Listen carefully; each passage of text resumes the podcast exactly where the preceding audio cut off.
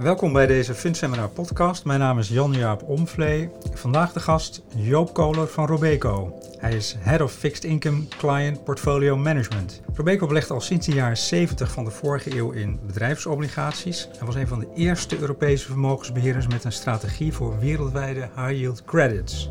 Centraal vandaag staat de Credit Quarterly Outlook Q3 2023 en deze werkt toe naar de outlook die Robeco in september zal presenteren tijdens de Fundseminar ontbijtsessie op donderdag 28 september. Noteer die datum. Die wordt gesponsord door Robeco. Welkom eh, Joop van harte. Mag ik je vragen jezelf kort voor te stellen? Dankjewel eh, Jan-Jaap. Inderdaad, eh, Joop Koler. Ik ben hoofd van het Fixed Income Client Portfolio Management Team. We bestaan uit een team van uh, 10 personen. wat wij doen is wij geven review presentaties, final presentations we gaan eigenlijk uh, over heel de wereld uh, zien we onze klanten en uh, we doen alles op het gebied van fixed income. Ik zit nu zo'n zeven jaar bij Robeco, twee jaar als hoofd van het team. Ik ben daarnaast ook de client portfolio manager van High Yield, waar we het natuurlijk later nog over gaan hebben vandaag. Hiervoor heb ik elf jaar bij Egon gezeten, Egon Asset Management, als portefeuille manager aan de, de creditkant, met name investment grade bedrijfsobligaties.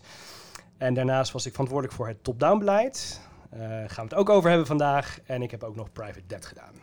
Veelzijdig. Zeker. Brede achtergrond. Joop, de icebreaker van vandaag luidt... Wat is het meest opvallende of opmerkelijke dat je ooit hebt meegemaakt als uh, professioneel belegger? Ja, daar heb ik lang over nagedacht. En allereerst wil ik zeggen dat natuurlijk geen enkele dag eh, hetzelfde is. Er is altijd wel een headline uh, wat positief of negatief uh, kan uitpakken. Maar als je nu aan mij vraagt wat is nu echt opmerkelijk, wil ik eigenlijk teruggaan naar de verschillende crisissen die we hebben gezien. De kredietcrisis 2008, maar natuurlijk ook gedurende COVID, maart 2020. En het meest opvallende daar is als het misgaat, dan is er geen liquiditeit meer. En dat is natuurlijk wel problematisch als je natuurlijk klantengeld hebt en er zijn bijvoorbeeld outflows. En ik wil eigenlijk één anekdote vertellen wat er toen uh, tijdens maart 2020 gebeurd is. En, hè, spreads gingen omhoog, er was veel volatiliteit. Er ging natuurlijk geld uit, want klanten waren ongerust. Nou, wat je dan moet doen is liquide blijven. Nou, bij Robeco zijn we heel prudent qua liquiditeitsmanagement, dus dat is een gegeven. Maar daarnaast moet je af en toe natuurlijk ook eh, de markt ingaan. En ehm, nou, tijdens die periode probeerden we natuurlijk wel wat obligaties te verkopen. Ehm, solide namen, groot, normaal gesproken heel liquide. En ik zal nooit vergeten, er was één bedrijf uh, waar we een quote voor vroegen aan de markt. En we kregen daar een bid-ask spread uh, terug. Mhm. En normaal gesproken wordt die uitgedrukt in basispunten. Nou, je raadt het al, dit keer was het niet in basispunten, maar in procentpunten. En voor dit specifieke bedrijf was het gat ongeveer 50 punten. Hè? Dus je kon het verkopen hmm. op, laat zeggen, 50. Je kon het kopen op 100. Nou, dat zal ik nooit meer vergeten. En dat, dat zie je echt terugkomen tijdens uh, liquiditeitscrisissen. Wat daarbij wel belangrijk is, hè, hou je hoofd koel, niet te veel op emoties handelen. Uh, zorg ervoor dat je een goed solide investmentproces hebt. Uh, maar dit soort dingen zullen je altijd bijblijven. Mooi, mooie anekdote. De podcast van vandaag staat in het teken van uh, de Robeco Credit Quarterly Outlook, Q3. En die heeft als titel Stuck Between a Rock and a Hard Place. Dat is niet voor niets. Kun je ons daar meer over vertellen en welke credit-segmenten zijn nu het meest aantrekkelijk? Ja, dit is een Engels gezegde en dat gaat eigenlijk in op de keuze die je moet maken tussen twee slechte uitkomsten. Dus dat is niet zo uh, heel positief. Nou, waarom hebben we deze titel nu gebruikt voor onze Credit Quarterly Outlook?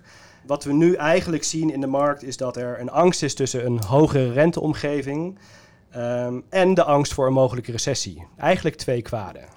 En om uh, niet nog verdere hogere rentes te krijgen, moet natuurlijk die inflatie omlaag.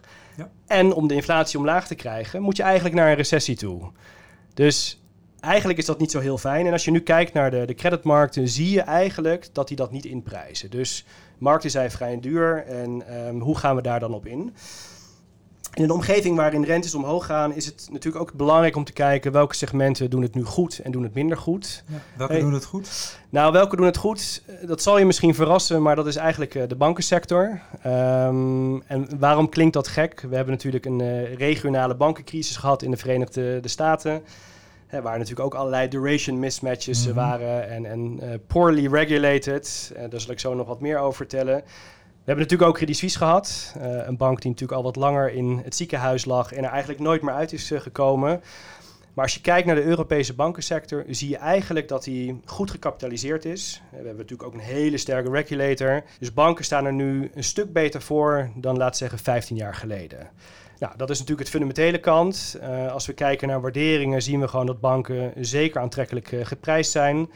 Hè, dus we hebben het hier over bedrijfsobligaties, niet over aandelen. En als je dan fundamentals koppelt met valuations en dat is allebei positief, ja, dan wil je hier eigenlijk gewoon vol ingaan. En niet voor niets binnen Robeco hebben we gewoon een, een hele grote overweight binnen, binnen de bankensector. Dus dat is eigenlijk de sector die er het meeste uitspringt. Hm, mooi. En de minder aantrekkelijke segmenten? Ja, die zijn er natuurlijk ook. Uh, en dat gaat alleen nog maar meer gebeuren. Kijk, een van de klassieke voorbeelden hier is natuurlijk dat als rentes omhoog gaan, uh, zijn er sectoren die daar heel gevoelig voor zijn. Ja. En de real estate sector is denk ik bij, nou, is een van de sectoren die daar het meest gevoelig voor is. Nou, we zien natuurlijk een hoop problemen. Uh, ik denk als we teruggaan naar 1, 2 jaar geleden, de problemen die we zagen in China. Uh, eigenlijk de hele property sector is uh, failliet uh, gegaan en ziet er nog steeds niet heel rooskleurig uit. Als je dan kijkt naar wat er in Europa en Amerika is gebeurd. We hebben jarenlang rentes gezien die omlaag gingen. We hebben natuurlijk ook gezien dat waarderingen omhoog gingen. dus puur de waardering of de waarde van de huizen en commercial real estate. Nou, dat betekent dat je ook meer schuld kan gaan lenen. Ja. En dat is gebeurd. En ik, ik, zal je een voorbeeld geven. Als je kijkt naar de Europese real estate markt in termen van obligaties, die was in 2010 zo'n 8 miljard. Die is nu 180 miljard. Zo. Dus er is flink gebruik van gemaakt. En dat gaat goed zolang het goed gaat. Maar nu zien we natuurlijk dat de rentes langzaam omhoog uh, zijn gegaan. We zien ook dat waarderingen, dus hè, wederom de waarde van huizen en commercial real estate aan het dalen is. Er is natuurlijk minder vraag naar. Jij en ik gaan minder naar kantoor, dus dat heeft uiteraard uh, een impact. En die hele sector heeft het gewoon echt wel heel lastig. Dus we zien grote downgrades, bijvoorbeeld in de Zweedse huizenmarkt. Ja. We zien zeker problemen in de commercial real estate sector in Amerika. En wij denken dat die gifbeker nog niet leeg is. Dat klinkt heel uh, dreigend, Joop. zijn er nog andere credit segmenten die, uh, die aantrekkelijk zijn op dit moment? Nou, kijk, waar je heel erg naar moet gaan kijken is... Um, we komen natuurlijk uit een periode waarin bedrijven heel makkelijk hun stijgende inputprijzen hebben kunnen doorbelasten. Ja. Uh, Jan-Jaap, jij en ik zijn daar uiteindelijk de dupe van als we boodschappen doen bij uh, de, de, supermarkt. Dankjewel. Maar goed, zo werkt het nu eenmaal. Uh, maar je ziet nu dat bedrijven dat wel lastiger gaan krijgen. Dus het wordt moeilijker om dat te gaan doorbelasten. Wat ook speelt is dat de energiecrisis tijdens de, de Oekraïne-oorlog natuurlijk heel erg actueel was die lijkt nu weer een beetje te zijn weggeëpt. Alleen we weten ook dat na de zomer dat langzaam weer gaat terugkomen. Dus waar wij als obligatiehouders van Robeco heel erg naar kijken, is van heeft energie nou een impact op de inputkosten van bedrijven? En dan zijn er heel veel bedrijven die het de komende periode zeker wel wat lastiger gaan krijgen. Uiteindelijk gaat het om kwaliteit. Hè. Je wil beleggen in bedrijven die voldoende cashflow genereren, die ook door een recessie heen kunnen gaan. En dat is uiteindelijk het werk wat we moeten doen. Ja, precies. Kun je de high yield outlook beschrijven voor 2023? Ja, daar wil ik eigenlijk van twee kanten gaan kijken. Enerzijds uh, de risico's. We zijn natuurlijk uh, bedrijfsobligatiehouders, dus ja. het is vaak uh, kijken naar neerwaartse risico. En daar zien we toch wel wat dingen gebeuren. Um, je kan je voorstellen dat bedrijven over de afgelopen tien jaar eigenlijk geprofiteerd hebben van het feit dat centrale banken de rentes verlaagd hebben. Dus als je jezelf wil herfinancieren, nou, hoef je niet zo'n hele hoge coupon te betalen. En dat maakt voor een bedrijf nogal wat uit of je nu 4% moet betalen of 8%. Ja. En we zien langzaam gebeuren dat veel meer bedrijven hier last van gaan krijgen als ze daadwerkelijk echt naar de markt moeten komen. En dit zal uiteindelijk leiden tot bedrijven waar dat niet meer gaat lukken. Dus mm -hmm. je kan eigenlijk jezelf niet meer herfinancieren. Nou, dat klinkt natuurlijk heel negatief. Uiteindelijk is het ook alleen maar goed als er wat faillissementen plaatsvinden. Hè. Je, je, voorkomt creative destruction. Je, je, zorgt ervoor dat er geen zombie companies uh, meer zijn. Dus op zich is dat positief. We zijn nu wel in een omgeving waarin centrale banken ook wat minder kunnen doen. Ja. Ze moeten die rente omhoog gooien, die inflatie moet omlaag.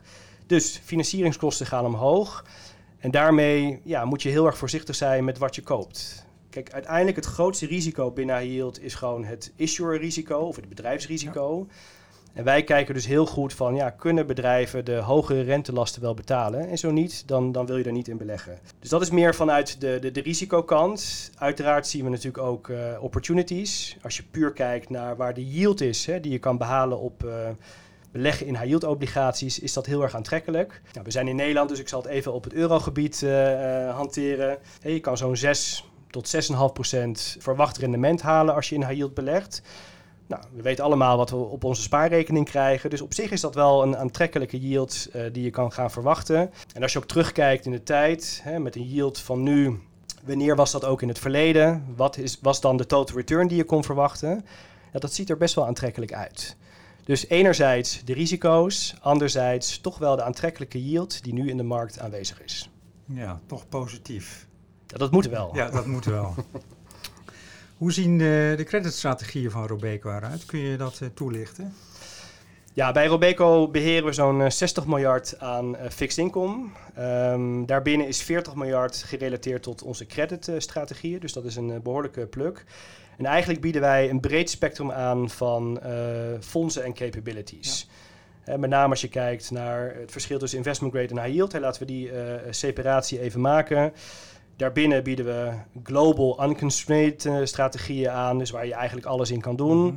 Eh, we kijken ook naar meer regionale strategieën, aan de eurokant uh, bijvoorbeeld. Nou, voor klanten die iets meer impact willen maken, hebben we ook strategieën die beleggen langs de principes, Sustainable Development Goals van de Verenigde Naties. Mm mondvol.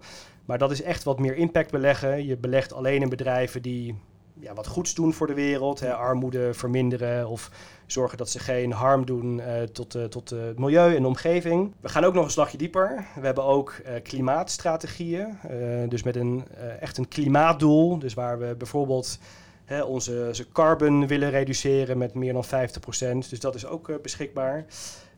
Daarnaast hebben we ook een aantal niche producten. Hè. daarvoor moet je bijvoorbeeld denken aan nou ja, een financials fund waarin we achtergestelde leningen kopen van banken en verzekeraars. Ons Financial Institution Bond Fund.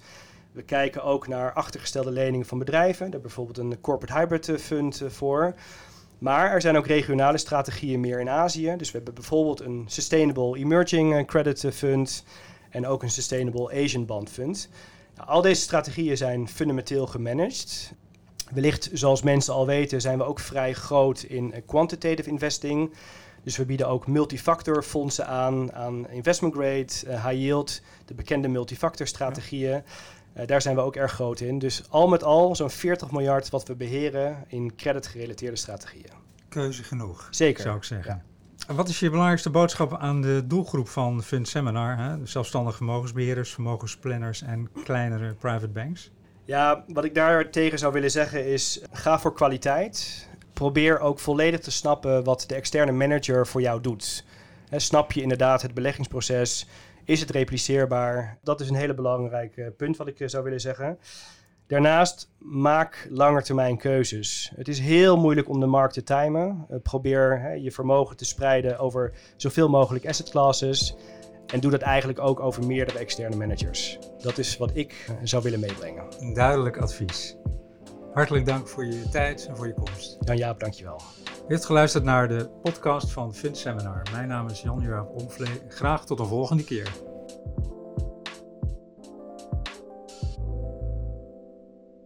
You've been listening to a Fund Seminar podcast brought to you by Cognito Amsterdam. Thanks for listening.